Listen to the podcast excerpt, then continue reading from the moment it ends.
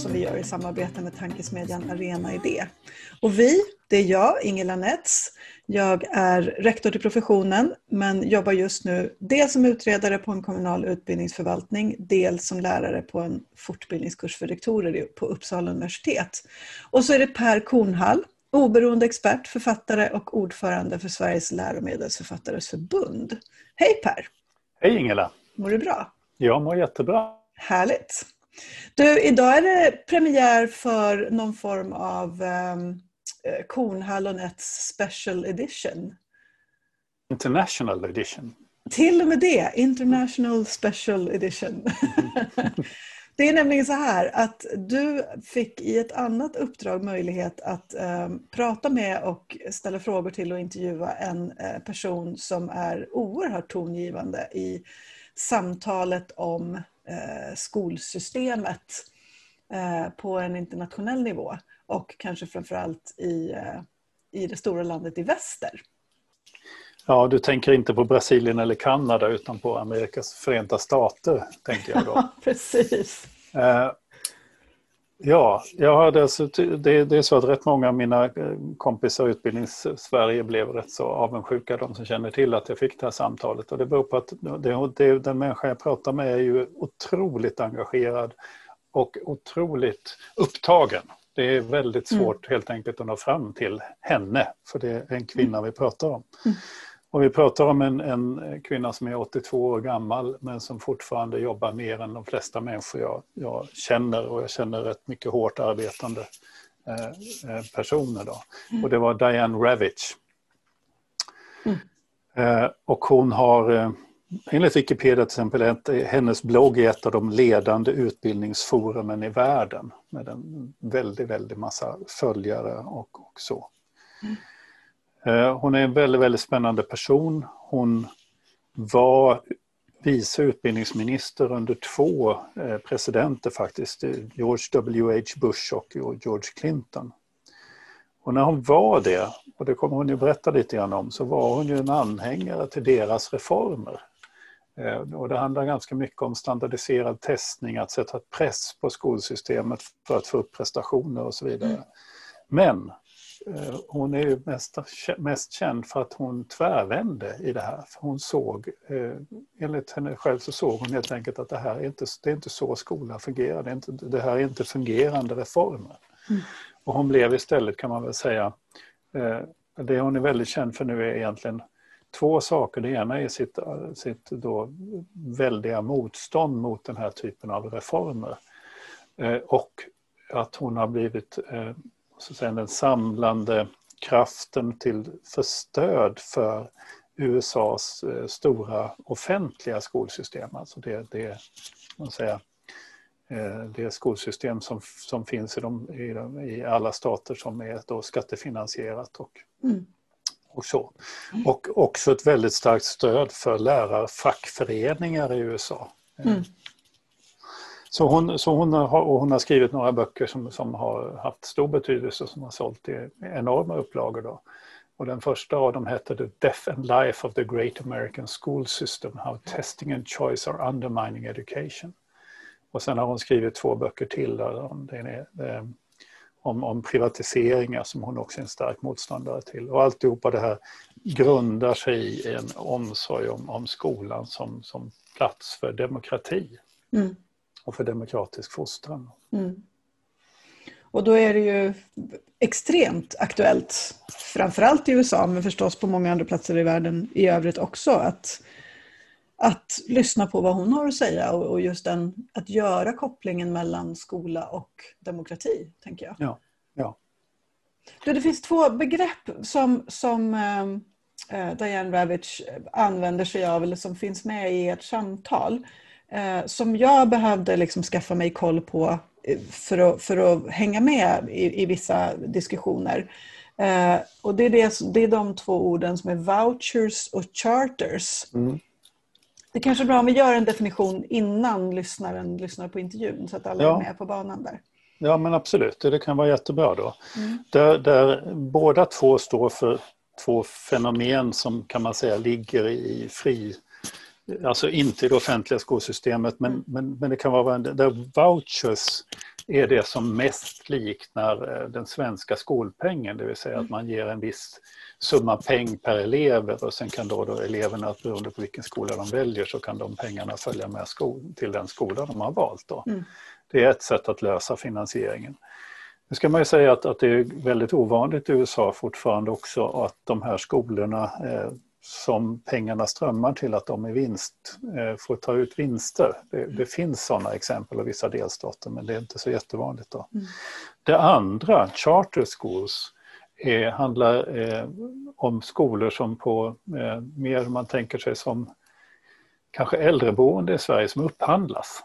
Det vill mm. säga att en skola får ett uppdrag eller någon stiftelse eller något får i uppdrag eh, av en, dels, eller en skoldistrikt mm. i det här fallet att driva en skola får en viss summa pengar och ska då eh, ta emot ett visst antal elever och så. Så det är mer en upphandlingsmodell mm. för, för eh, friskoledrift. Mm. Det gäller att komma ihåg det. Mm. En annan sak man måste komma ihåg när det gäller USA är att det är ett, ett, en väldigt annorlunda situation jämfört med Sverige.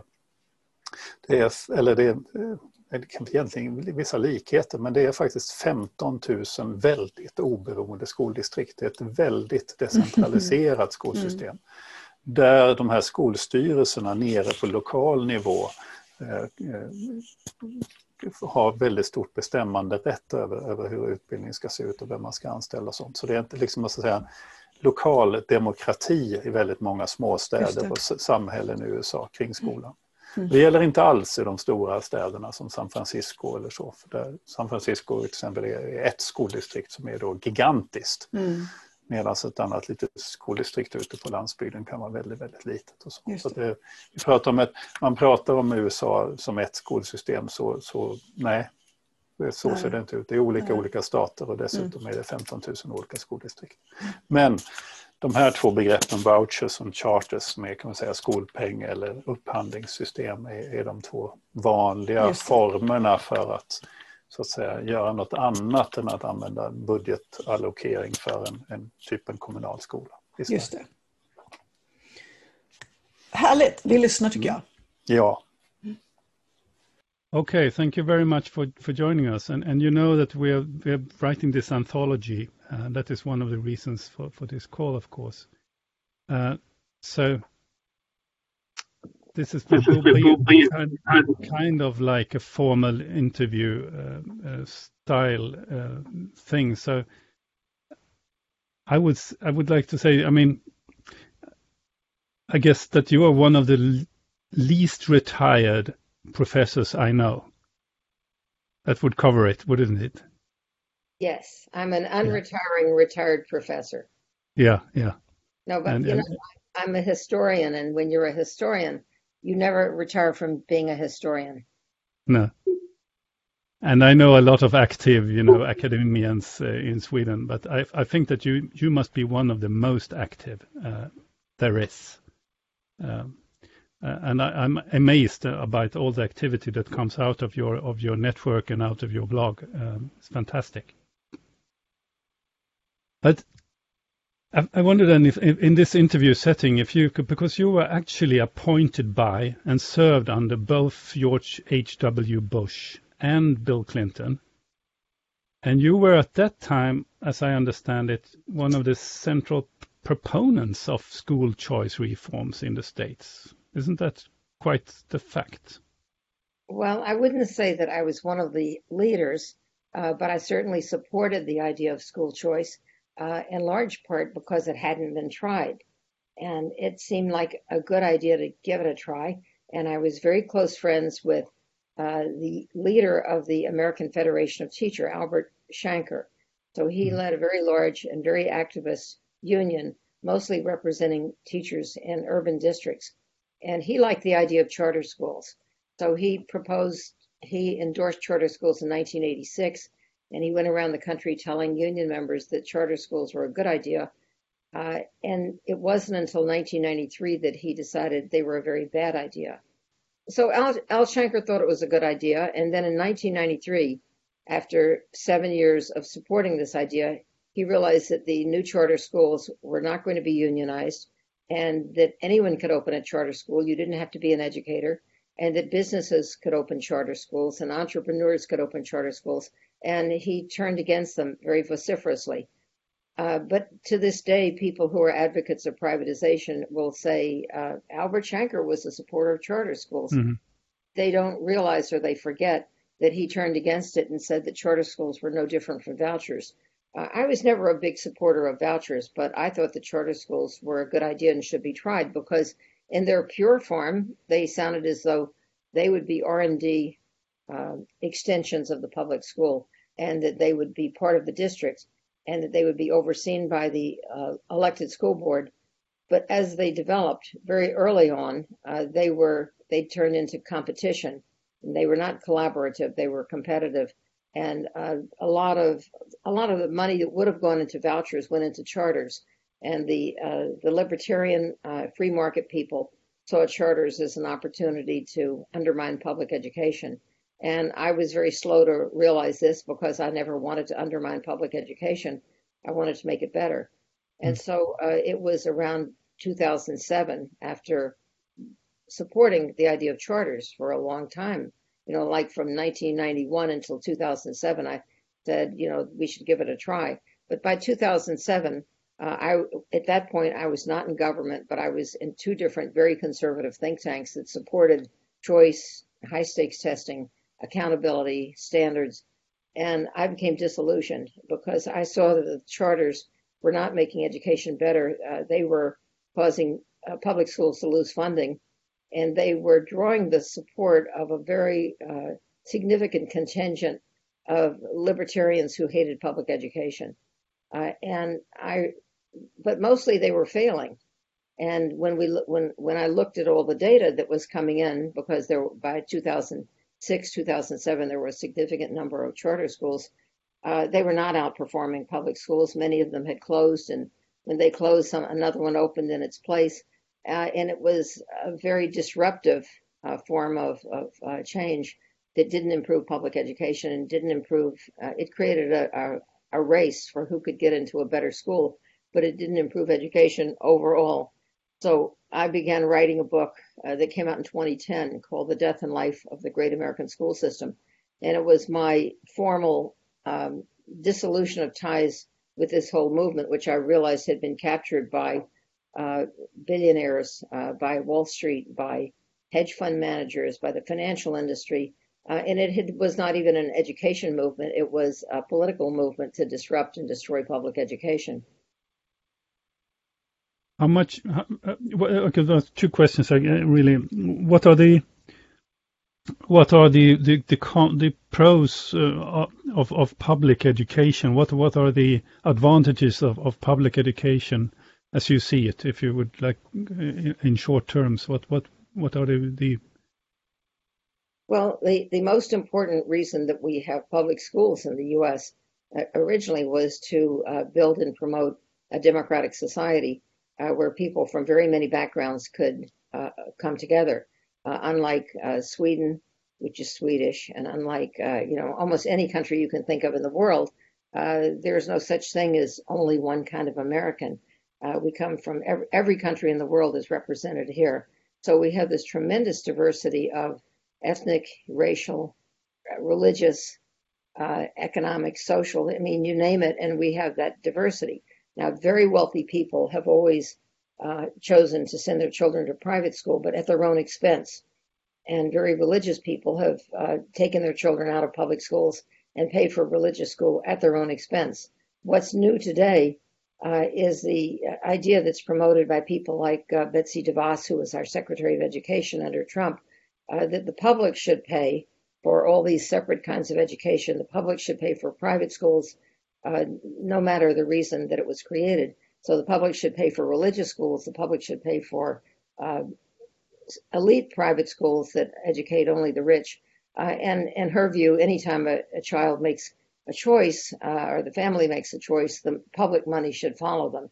That would destroy public education. And the real, the, the initial reason, as I said, for public education was to promote democratic citizenship and to create a common bond uh, where Americans could understand we are all one nation, uh, and we don't just divide up into hundreds of different little pods uh, reflecting people who look just like us. Mm.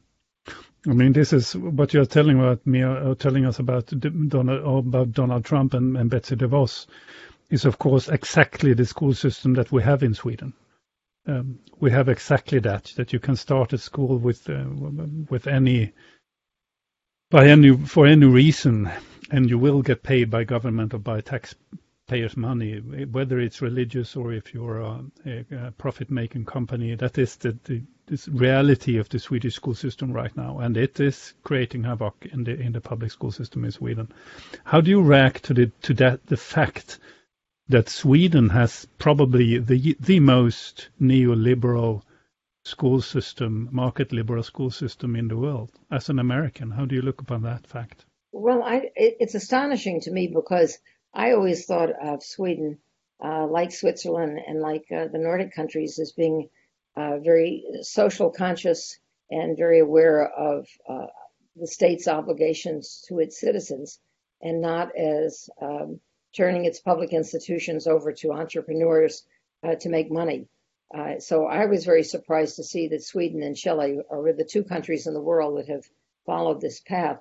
And uh, at this point, based on the research we have in the United States, uh, there's no advantage to the children. Some children may get a better education, some children will get a worse education.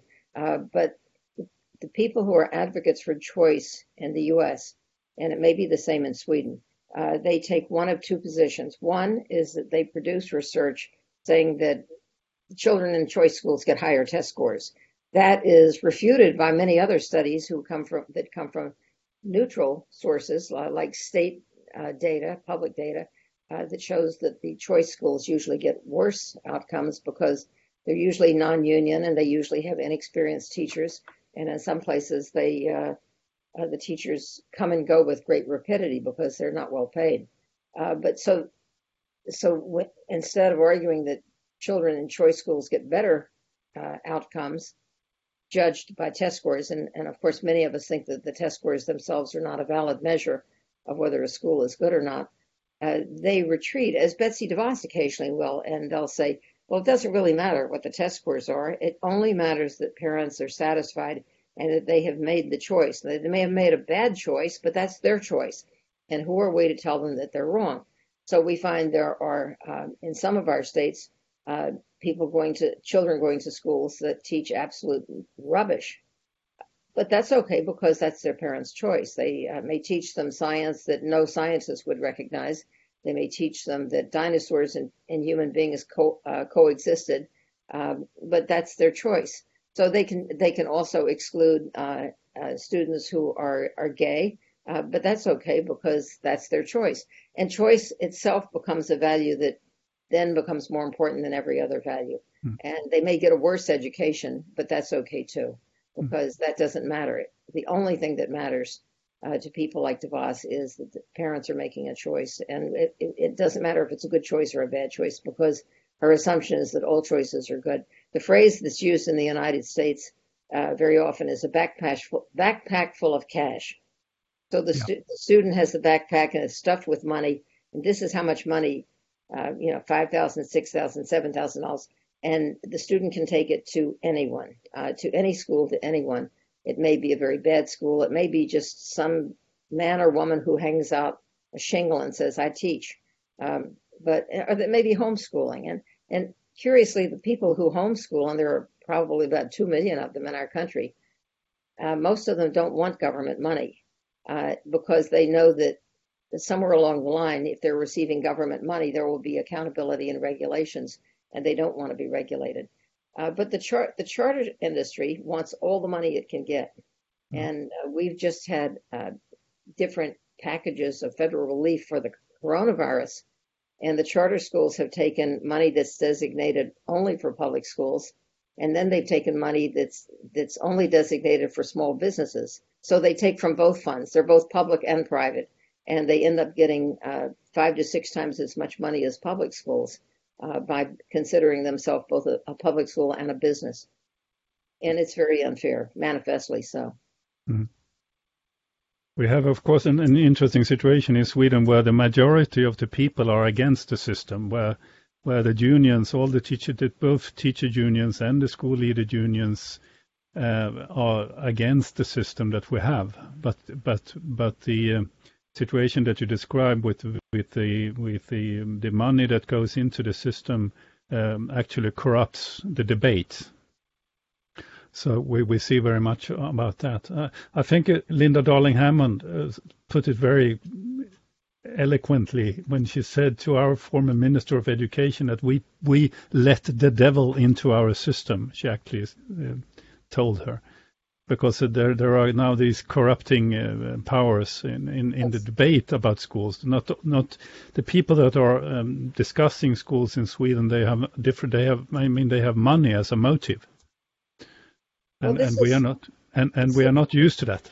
This is the same situation in the United States. We have not gone as far as you in terms of, although we're on our way. I mean, there are some states that would look just like Sweden. Uh, possibly Florida would be one, uh, where the leadership of the state for many years now, uh, which has been a Republican, which was led by George uh, W. Bush's brother, Jeb Bush, uh, he's very close friends with Betsy DeVos, and they have led the way in advocating for for-profit charters and for vouchers and oddly enough, their state constitution, written 100 years ago, said there will be no money going to religious institutions.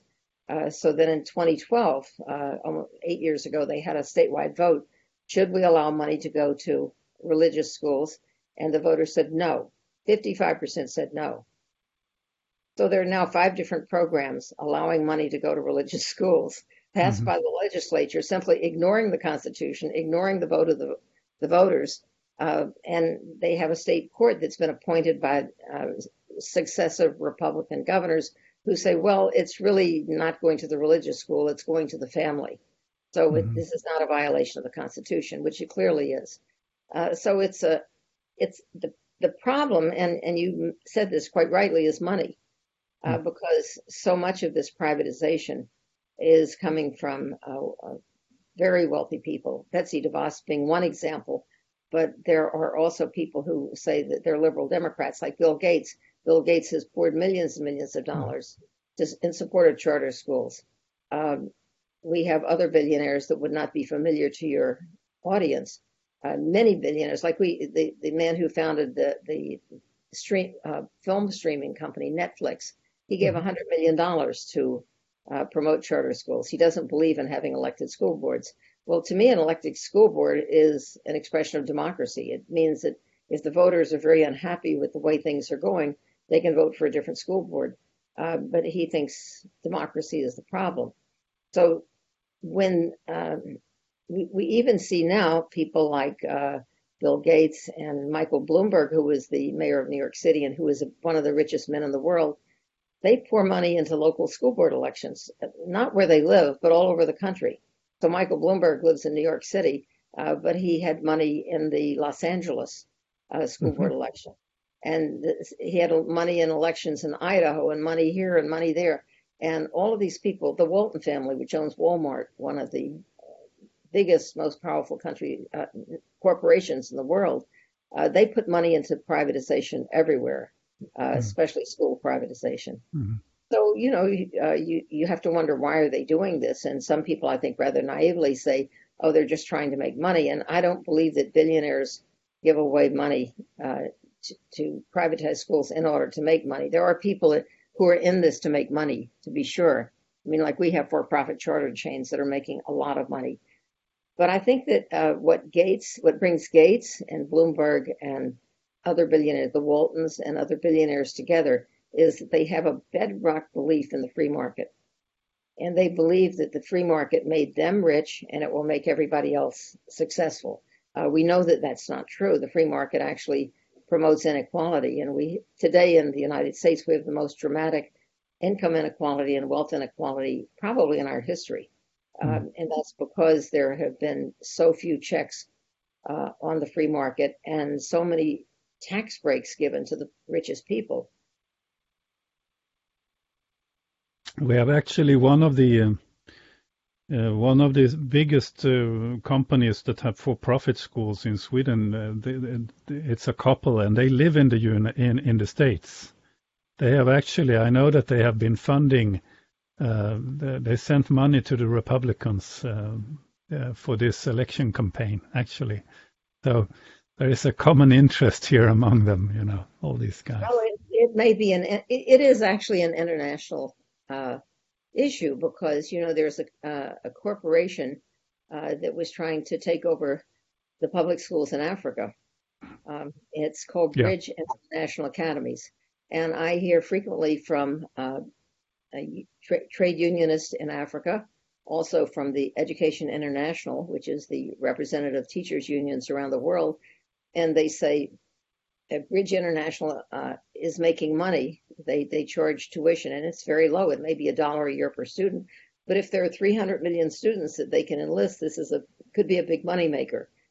And it's it is funded by the World Bank, Bill Gates, Mark Zuckerberg of Facebook, and a whole long list of uh, other financiers.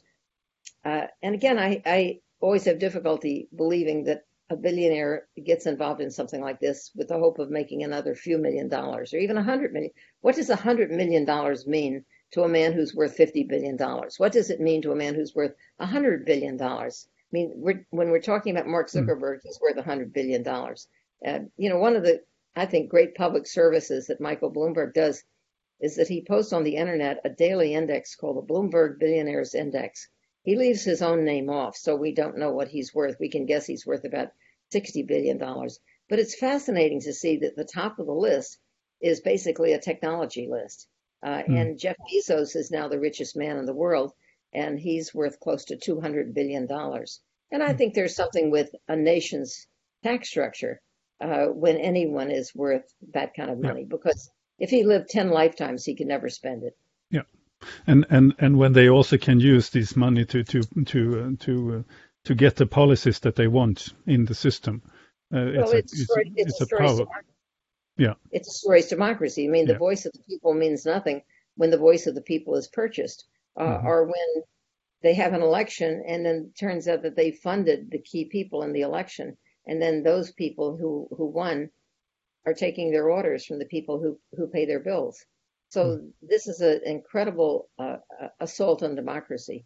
Uh, Yeah. the, this dramatic um, expansion of inequality. I, I always think, and when I think about inequality, I think about a, a book published by two British sociologists a few years ago.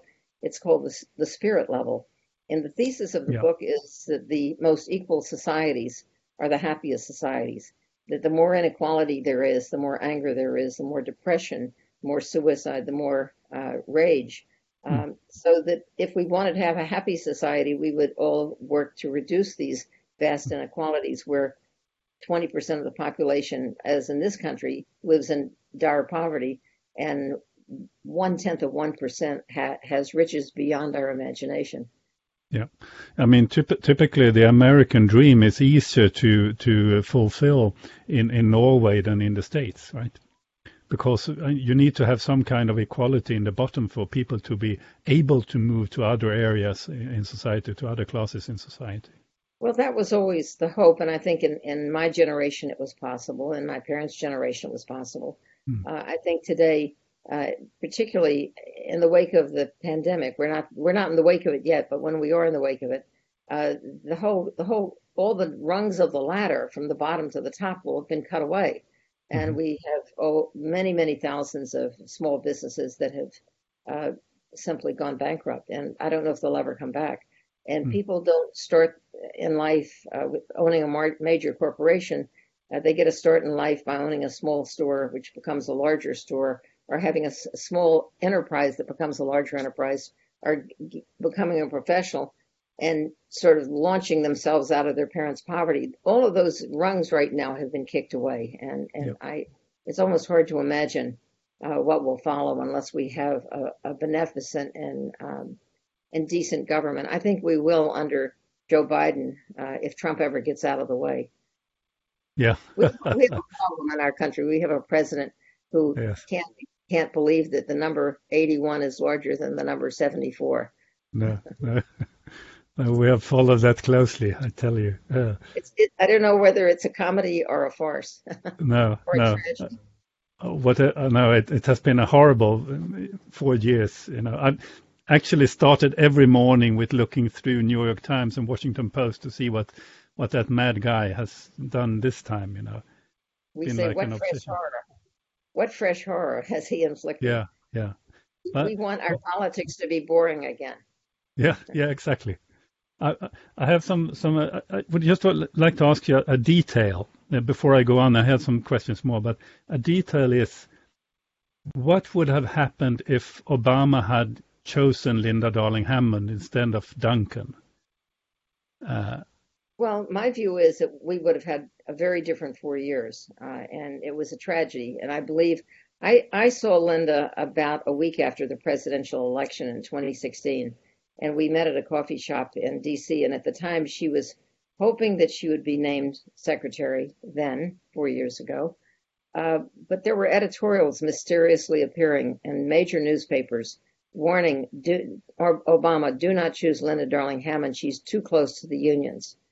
Mm-hmm. And uh, it was curious that they all came out at the same time. But in retrospect, it became clear. And she said at the time, I think this is the uh, the Wall Street people who are, who want to stop me.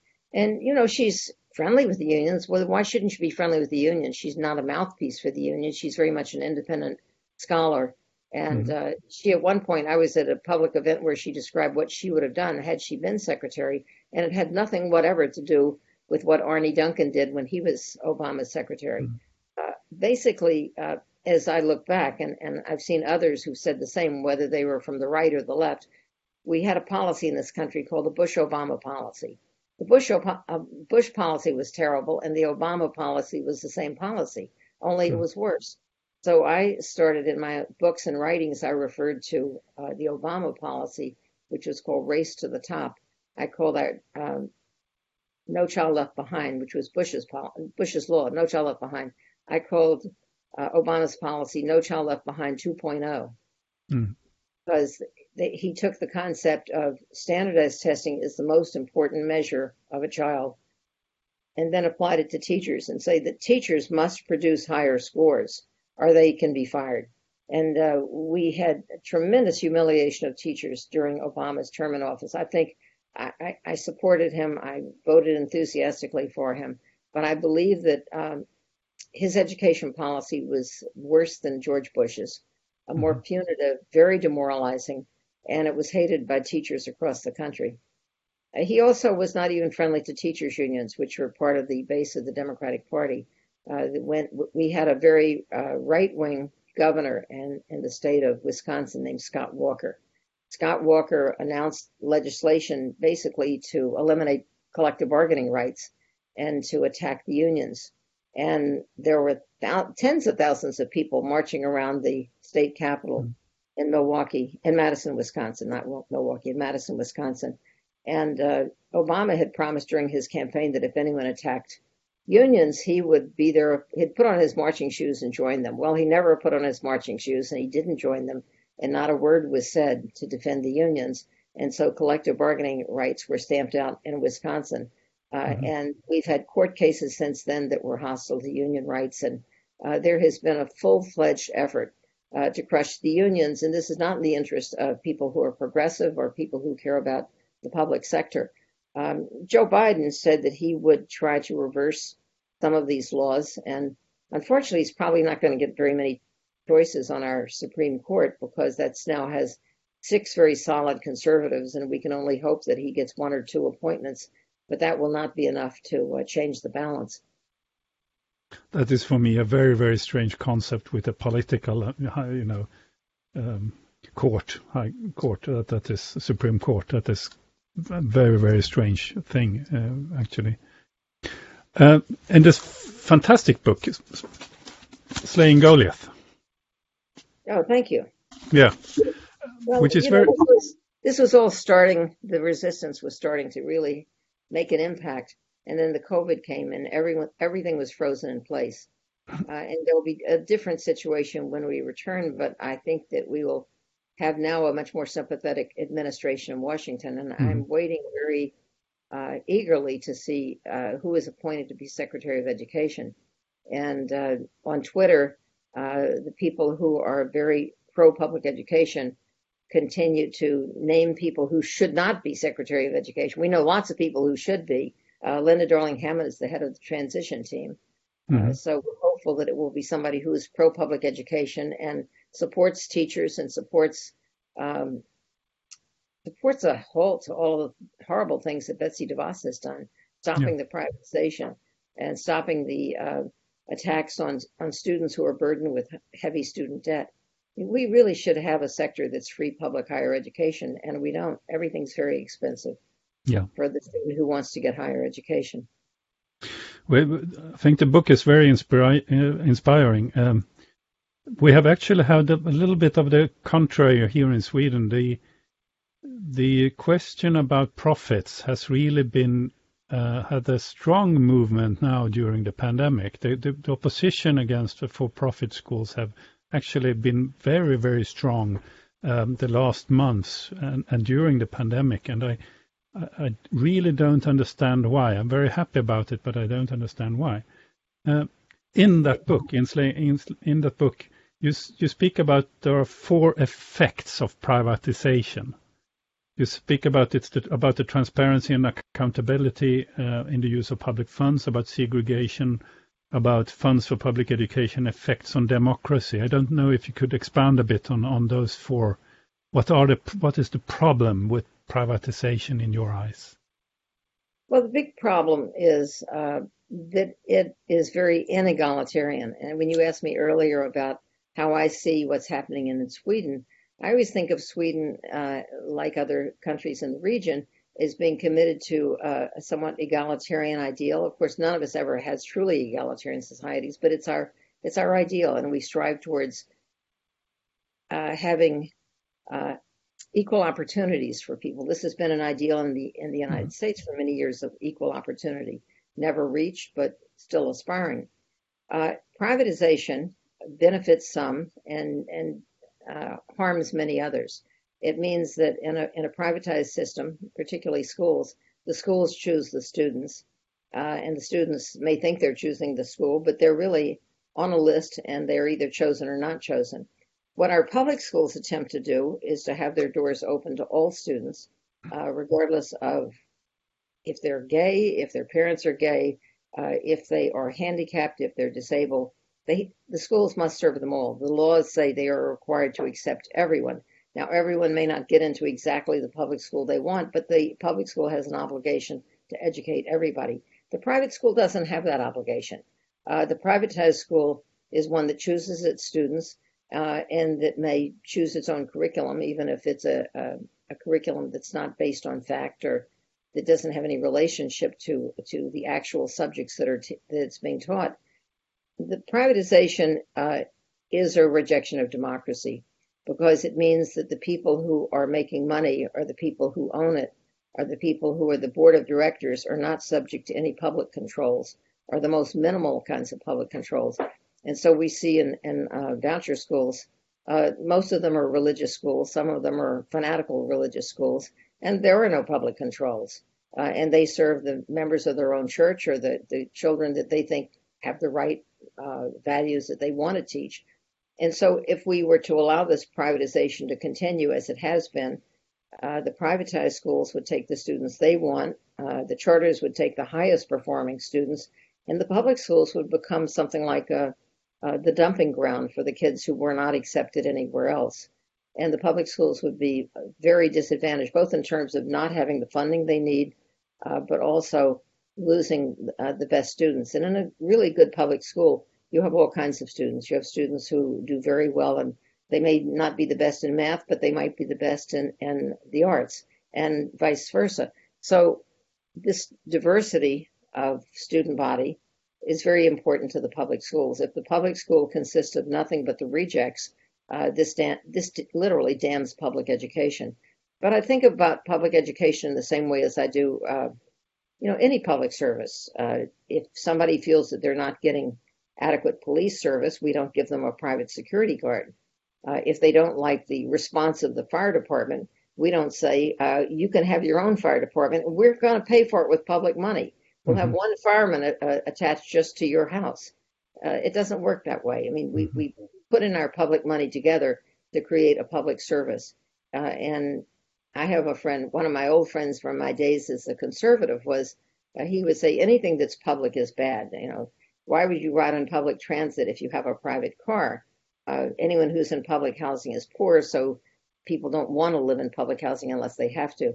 And I, as I became wiser, I would counter this with, well, what about public parks, public beaches, uh, national parks? All of these are public. We wouldn't have them if they were all left to private uh, philanthropy. And public schools, I went to public schools. I started in public schools in kindergarten uh, and was in public school all the way until I went to college. And uh, my public school served everyone in the neighborhood. I was in the South in Texas, uh, and Texas had segregated schools, so there were no black students in my school. Uh, but what happened when the schools became integrated was that many white children and white families simply abandoned the public schools, and that's what a lot of the privatization is about: is mm-hmm. creating a, a, refuge for people who don't want to go to school with with uh, children of different races. Um, and a, a, lot of this, and, and I know this from my own experience, is that it, the privatization movement flies under what we call false colors. It pretends to be about civil rights, but it's not about civil rights. It's the very antithesis of civil rights. Uh, I just finished a book review for uh, the New York Review of Books, which is our major literary publication, and uh, reviewed books that showed that the language of school choice comes from the resistance to school uh, desegregation. That there was no school choice movement in the United States until the 19, late 1950s. The, the school desegregation decision was 1954, and there was a major Supreme Court decision, unanimous, that said that segregating children by race was unconstitutional. That was 1954. That's when the, that's when the school choice movement began, and uh, since then there has been this steady attack on public schools. And uh, the libertarians, the free market people, the entrepreneurs, everyone has climbed aboard, and they've tried to they've tried to sanitize this uh, by not accepting the segregationist heritage, but by saying we are concerned about poor black children. Well, if they were concerned about poor black children, they would want to see the tax structure changed, not not uh, privatize mm-hmm. the public schools. Mm-hmm. That's that's that's a very very good answer. It's so it's so um, it describes also very much what is what is happening in Sweden, which with the segregation and with the choice. Um, Richard Elmore, I don't know if you know him. I do. Uh, he uh, described the, the, big differences in attitudes among parents in Sweden because he has been in Sweden in the 1970s and he was back in 1992 and then he came back again in 2015 with the OECD. And he said that the biggest changes were the the uh, how the the parents' attitudes, uh, the rich, the the more well-off parents' attitude towards public schools was what shocked what shocked him most about the situation or the changes that had been happening in Sweden. How parents in the private schools said that they were happy to have a school choice so that they could have their children away from the other kids. Right. That was the main reason, main driver, and what was shocked him the most. But I won't take up much more of your time, Diane. I just wanted to. Uh, do you have any kind of a you know recommendation to Sweden to to to the resistance in Sweden or to the politicians in Sweden that will read this anthology? My hope is that um, we look back on these experiments, whether it's Sweden or Chile or the United States, and and look at them very carefully in terms of who benefits and understand that it is we are not improving education. We're actually, and I think in the United States, destroying education, and that to me is very frightening, because about 85% of the children across the country uh, are in public schools right now, and yet most of our state legislatures are focused almost completely on choice. They talk about charters, they talk about vouchers, charters, vouchers, charters, vouchers. Meanwhile, 85 to 90% of the children in the state are attending public schools, and they are not talking about how can we make public schools better when the pandemic is over? How can we hmm. how can we make sure that the classes are small enough so the children get the attention they need? How can we make sure that teachers have the salary and compensation that will allow them to remain teachers and not have to look for a second or a third job to sustain their life? So I think that if we look to what's the good of our society, the good of our society is to make our public school system better than it is now, and not to look for escape routes so that um, a few children, either the smartest or the uh, most affluent, can escape to a private setting because uh, this is this is harmful to everybody. Uh, this is robbing from the 85% to privilege five or six or 10%, not, not 15, because there'll always be children in, in private schools that are, that are paying for it. So there are about six to 10% are in either voucher schools or charter schools. And the, the 85% are now underwriting the education of that 10% that are should be in public school but that have escaped. And this is, in my view, uh, totally irrational. I won't say it's insane because there's a logic uh, on behalf of those who are receiving it, who are receiving what they think is a better education. But usually it's not a better education. It's simply an escape from being with children that, that their parents don't want them to be with. Um, and that we have to look to our future as societies to think about how we weave together all the disparate elements of our society into a sense of uh, we're we are a society. Uh, we have to think of the common good, and I keep using this term, the common good, because it used to be common it used to be frequent that we would speak of the common good. And now you hardly hear anyone say it because mm-hmm. everyone's thinking, I'm a consumer. What do I care about the common good? We have become consumer societies in which each of us gets to choose based on how much we can pay or whether we're lucky or whether we win the lottery. And that's not right. We have to look out for we we have to look out for the least of us. We have to look out for the people who have nothing, who have no choices, and make sure that they are well served or we're simply building um, social dynamite for the future uh, and undereducating a large number of our children so that a very small number can have the privilege of, of choice. And I think that choice is a delusion and choice is selfish. And choice, this is consumerism is basically selfish. And uh, it's not, it's, we, we have to, we have to attend to the well-being and the future of our democracy. And right now, I would say that we are neglecting our, our the futures of our democracies. Yeah. We had one of the most important politicians in the beginning of the the uh, school system in Sweden in the, eight, in the late 1800s. Um, was an, was a, a, liberal politician. He was not a social democrat. He was not a socialist. He was a liberal. He was a right wing politician actually. But he he he he was one of the most important uh, figures uh, driving policy at that time, and also for the foundation of the Swedish school system. He said two. There were two central things for him. One that is was that you have to, if you just get the right people to teach, then most of it will be okay. It will be okay. So just attract the right people to become teachers. And the second thing was that it had to be one school system. Otherwise, the the more richer, the more the elite in the society would not care about the school system because right. they would, yeah. So that was the two driving forces behind his uh, behind his uh, like the, the, policies that he was um, driving at, the, at the, that time. That of course connected to social democratic ideas about equity and so forth and so on. But those two were the pillars of the Swedish school system that we left. Well, you you have to understand the United States. We have no such thing as socialism. That's considered no, no. a very bad word, and, yes. and you know, it's a it's an epithet that's thrown at uh, liberal politicians is to call them socialists. Um, and in a sense, the post office is a socialist system, but you know, yeah. it serves the American people. And, but now yeah. it has competition. It has we have FedEx, we have UPS, we have all these private delivery services, and they're expensive. No one gets it for free. The post office is not free either.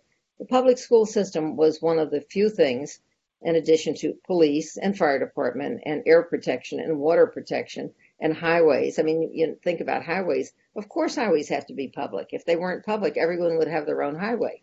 This mm-hmm. makes no sense at all. Uh, and if you're rich, you get a super highway, and if you're poor, you get a dirt road. Um, our public school system was created to provide equal opportunity for all. Mm-hmm. And I think that where there um, where it's been subject to attack is that uh, many children who go to public school have low scores. Well, first of all, I, I have a lot of doubts about the validity of test scores, as I've expressed in my last three books. I used to be a big supporter in testing. And then I realized that the reason I liked testing so much was that I, I was very good at taking tests.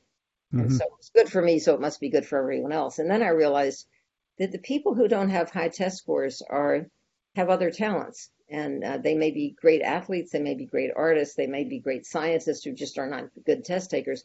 And we can't allow these standardized tests to rule our societies or create a, a so-called meritocracy in which uh, having only one kind of intelligence is, rules the world. That's ridiculous. Uh, but I think that ultimately what matters most is that we have a commitment to the well-being of all of our children, that we consider the children of our society all of our children, and that we pay taxes uh, not for ourselves. I mean, like my children are grown, and and so they're not in public school any, they're not in school anymore. Uh, people who don't have children have an obligation to pay taxes. People whose children are grown, people who don't have children, we all pay taxes for the common good, and it's the common good that we have to attend to. So when I think of the resistance in Sweden, uh, I would say look to Finland. I mean, I I love the Finnish school system because yeah. There, if there, I don't know if there are any private schools there. Uh, no. no. They they have aimed for. Uh, my, my dear friend Pasi Sahlberg says they mm-hmm. aimed for excellence and they got equity because you can go to any public school in Finland and it's a good school. And I think that's what we would want for every school, whether it's in Sweden or the United States. And the more we pursue privatization, the more inequity and inequality and injustice multiplies. Yep. So this is the great risk and the great danger to democracy is that democracies begin to falter when uh, injustice eats away at our vitals. And I think that's what we're fostering today by letting these uh, billionaires and hedge fund managers uh, control our public goods. Our public goods belong to us, uh, not to the people with the most money. No. Or they right, right now they're trying to buy our public goods, and we have to fight them. Yeah, that's very good last words, I think. Yeah. Well, Per, it's very nice to talk with you, and I wish you good luck. And anything you ever want to write for my blog, it will get a lot of attention in the United States. Yeah, I will try to think about uh, something more. I could pick up that. Uh, I have an idea. Maybe I come back to you with that. Well, Americans very... are very interested in what happens in Sweden because yeah. you have you have led the way in the wrong direction. Yes. So you you have to keep us apprised of, of what the consequences are. Yeah. Because we exactly. will learn. Yeah. You know that the situation in Sweden was they were trying to do the same things in England. But then the the results from Sweden the last decades were so bad. So so actually the Swedish experiment halted all the for-profit market in England. So we have made some good, uh, you know, our bad example has actually stopped some of these uh, things happening around in Europe um, because well, everybody. Do you have virtual for-profit schools? No, we have a no, not yet. We have um, we have some of these companies. They really, really want to start it, but they are not allowed yet. But they are pushing in that direction. Yes. Those those are the worst of all yeah. because they also falsify their enrollment numbers and they make huge profits. Yeah. And provide the worst possible education. So yes. please keep them out. We'll try. okay, Thank so you nice very much. Yeah, nice talking to you. Thank you very much for this. Ja, vad säger du Ingela? Ja, det finns massor att säga. Eh, ett, jag, jag, som inte hade superkoll på eh, den här kvinnan eh, innan du lyfte hennes namn och berättade eh, om, om att du hade och skulle få möjlighet att träffa henne eller prata med henne. Eh, jag måste ju börja med att känna någon sorts enorm ödmjukhet inför det faktum att hon är 82 år och har liksom ägnat verkligen ett jättelångt yrkesliv åt eh, de här frågorna. Och det rymmer så oerhört mycket eh, egen erfarenhet av, av eh, skola och skolsystem och utbildning och lärande på, på liksom en väldigt hög nivå. Ja, Att hon är och det som fascinerar mig är det två saker. Det är både det hennes engagemang. Mm. Och det är som sagt 82 år gammal och klar som kristall. Fantastisk mm. att prata med. Men det är det här djupa, djupa engagemanget för skolan som demokratiskt system som, jag är, eh, som man ju känner igen och som, mm. som man känner ibland skolmänniskor runt världen runt. Det finns någonting i det här kollektiva uppdraget att ta hand om andras barn som, som, som handlar, som landar i moraliska dimensioner om, om likhet, eh, alltså demokratiska grundprinciper och sånt där. Mm. Eh, det andra som, som fascinerar mig om man pratar med den här typen av människor är ju klarheten i, i tanken. Att, mm. att, att, att, prata med någon och när man tänker att man ska ha en, en, en följdfråga så har hon hunnit svara på den innan, innan meningen är slut nästan. För att hon, hon hon har tänkt igenom de här sakerna mm. och skrivit om dem många gånger mm. som kan formulera sig. Mm. Det är ju så intressant att hon, att hon ju verkligen gjorde en tvärvändning. Och, ja. och, och man blir nyfiken på den, liksom, den personliga kostnaden av den tvärvändningen också, tänker jag. För att, att ha, ha liksom verkat på, på ministernivå i ett land som USA um, och sen um, på något vis göra avbön och säga att Nej, men jag tror inte längre på det som jag var med och genomförde. Det, det kräver nog en hel del mod, tänker jag. Ja, och där kan man väl säga att det är tur att det finns eh, universitet och sådär där, där folk får lov att vara och tänka annorlunda. Mm. Eh, att det finns, eh, för jag menar det, det är klart att det, många av de här som, är, som har drev de här reformerna, man kan veta att de, de hon har blivit fiende med, det är ju USAs samlade miljonärselit. Mm. Så för många av dem är, är de som driver. Vi har ju Betsy DeVos som var eh, som är känd, svenskar är inte så känd mer än som bara som Trumps utbildningsminister. Som hon, hon tillhör ju de som driv, drev eh, att utveckla eh, privatisering av, av USAs skolsystem under, under Trump. Eh, men det folk kanske inte känner till det är att hon är ju då en, billig, alltså hon är ju super, super, super, super, super, jätte, jätte, jätte, jätterik. Mm. Eh, och tillhör det här gänget med, med biljonärer som, som använder sina pengar för att driva amerikansk politik i den riktning de vill. Mm. Och när Diane Ravitch lämnar så att säga, den, den båten så, så blev hon ju också en kritiker till hela det här stora, eh, väldigt, väldigt rika Eh, inflytelserika, både rika på pengar och rika på inflytande, den här gruppen av, av människor som, som ju har en stark påverkan på amerikansk politik. Ja, för där är ni också inne i en passage i samtalet och pratar om, om, om ehm, alltså de här enormt rika människorna som, som i någon sorts filantropisk anda finansierar eh, skolor och skolutveckling, framförallt också nu i, i, hon nämner Afrika, olika afrikanska länder och sådär, alltså i, i vad vi skulle säga liksom tredje världen där, där, där skolorna behöver utvecklas vidare. Um, och, och jag tycker att det är intressant men också lite skrämmande förstås att hon, att hon är så tydlig med att hon inte uppfattar att de faktiskt bara vill att människor ska ska få utbildningen utan att det finns en, en tanke också om att styra vilken sorts utbildning och vad mm. utbildningen ska innehålla. Och vilken sorts samhälle man ska ha. Ja men exakt. Och det där, det blir så... Vi har ju pratat om det i vår svenska kontext tidigare när vi, när vi resonerar kring, kring lobbyism och, och, och sådär. Liksom. Eh, men i det här världsperspektivet så blir det ju nästan svårt att greppa vilka ja, men de krafter som är i, i rörelse när det mm. gäller skolsystemet. Ja. Um, på, alla, och det, på gott och ont. så. Det behöver ju, jag tycker inte man behöver dra slutsatsen att, att bara för att Bill Gates investerar i, i skolutveckling så vill han liksom som någon sorts ond mm, så här, seriefigur liksom, ta över kontrollen över världen. Ehm, men, men det finns en aspekt där som vi ändå behöver förstå, det finns en, tänker jag. Ja, absolut. Det finns en dimension av det som att, att bara för att man tjänar miljoners miljarder på, på, så att säga, på på den framväxande mm. dataindustrin mm. så, så helt plötsligt så får man ett, ett enormt inflytande över skolpolitik både i USA och världen över. Ja. Och är det rimligt? Mm. Är det så skolan ska styras? Mm. Just det. Ja. ja. men det handlar verkligen om vilka ideal som, mm.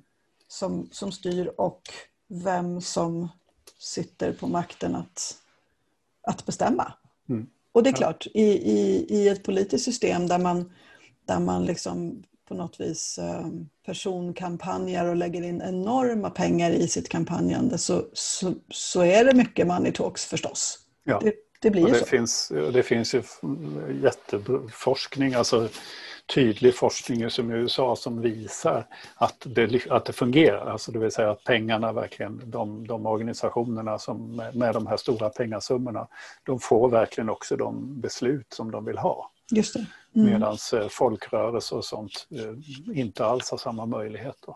Nej. Och här är ju, det är ju någonting som vi verkligen behöver uppmärksamma i Sverige där vi har varit väldigt naiva i förhållande till vad ska jag säga, den finansieringen, alltså till hur, hur alltså vårt politiska system är väldigt naivt. Att vi, vi tror att, att debatten förs av människor som är engagerade. Men det finns, när man släpper in pengar i det här, i skoldebatten till exempel, så, Mm. så, så får vi ju in ett annat, en annan motivation än den att barn ska ha det så bra som möjligt, eller Mm. samhället ska ha det så bra som möjligt. Och det kan ju vara rimligt att göra det, men, men på något vis, eh, ja, för de som inte har de pengarna så blir det ju en, hela tiden en stor uppförsbacke. Mm. Men där, hon pratar ju också om eh, att, att en, en, eh, en risk med, med alla de privata skolor då, som finns i USA är att man inte har eh, public control, det vill säga att det Mm. finns ingen insyn i... Mm. i och det, och det, man kan ju någonstans tänka sig, som du säger, att det finns vad var det, 15 000 eh, skoldistrikt. Så, så förstår man ju vilken apparat det handlar om och, och alla dessutom har makt att ta egna beslut om hur man, hur man ska bedriva skola. För jag tänker där, där finns ju ändå en, en tycker jag, eh, en, en kvalitetssäkringsfaktor eh, i, i vårt svenska system. Där vi ju har en, en, en läroplan som är tvingande för alla som bedriver skola och vi har ett kontrollsystem som ju åtminstone funkar någorlunda bra. Och Ja. hittar de här värsta avarterna eller liksom stoppar när det, när det drar iväg åt, åt ja, men antingen något, något liksom fanatiskt religiöst håll eller, eller i någon form av annan inriktning som, som, blir, alltså som tar över för det, det här allmänna uppdraget att, att utbilda befolkningen. Så. Ja, vi har ett annorlunda system på det sättet. Då. Sen kan man ju fråga hur pass bra vi är på det där, Mm. just som du säger, att stoppa Mm. de här olika, jag kan ge ett antal exempel på att vi inte har lyckats med Mm, det naturligtvis.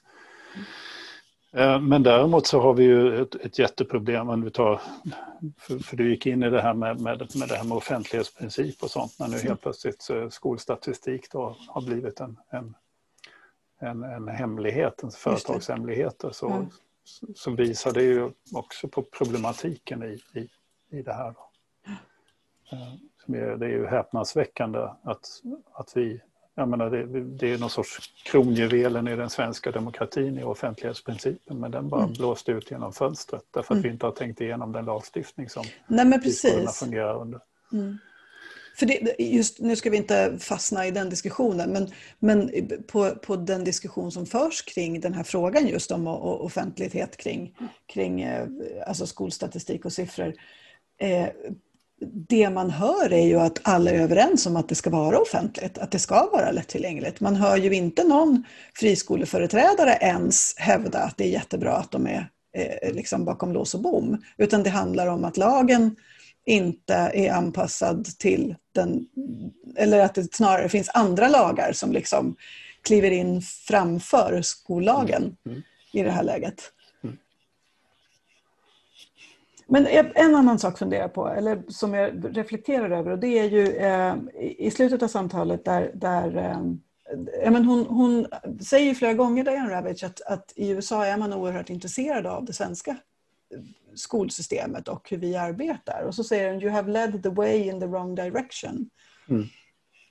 Ja, men det är ju den bilden som, som framträder i, i, i världen av Sverige idag på grund av att vi, vi har gått extremt...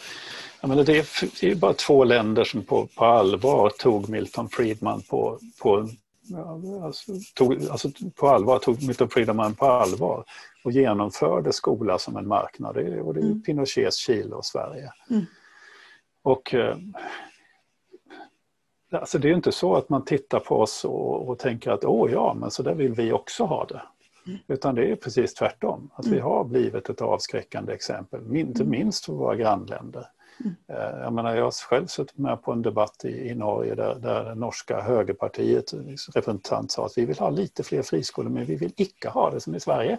Mm. Alltså det går inte att säga att man ska vilja ha eh, det svenska systemet därför att de, alltså, några av de skandaler vi har haft med nedläggningar av skolor och sånt där elever bara ställs på bar backe, alltså bara kastas ut och, så vidare.